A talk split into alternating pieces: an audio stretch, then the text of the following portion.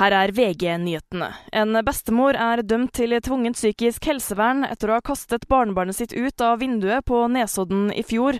Dagbladet skriver at hun selv skal ha oppsøkt og tatt seg inn i boligen der ettåringen og foreldrene bodde.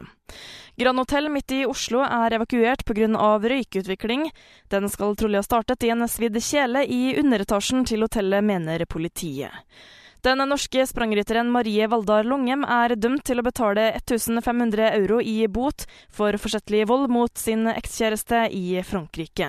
Paret anklaget hverandre for vold på et hotellrom, men kjæresten ble frikjent. Høyres Linda Hofstad Helleland mener regjeringen må spikre nasjonale retningslinjer for bruk av kunstig intelligens i skolen.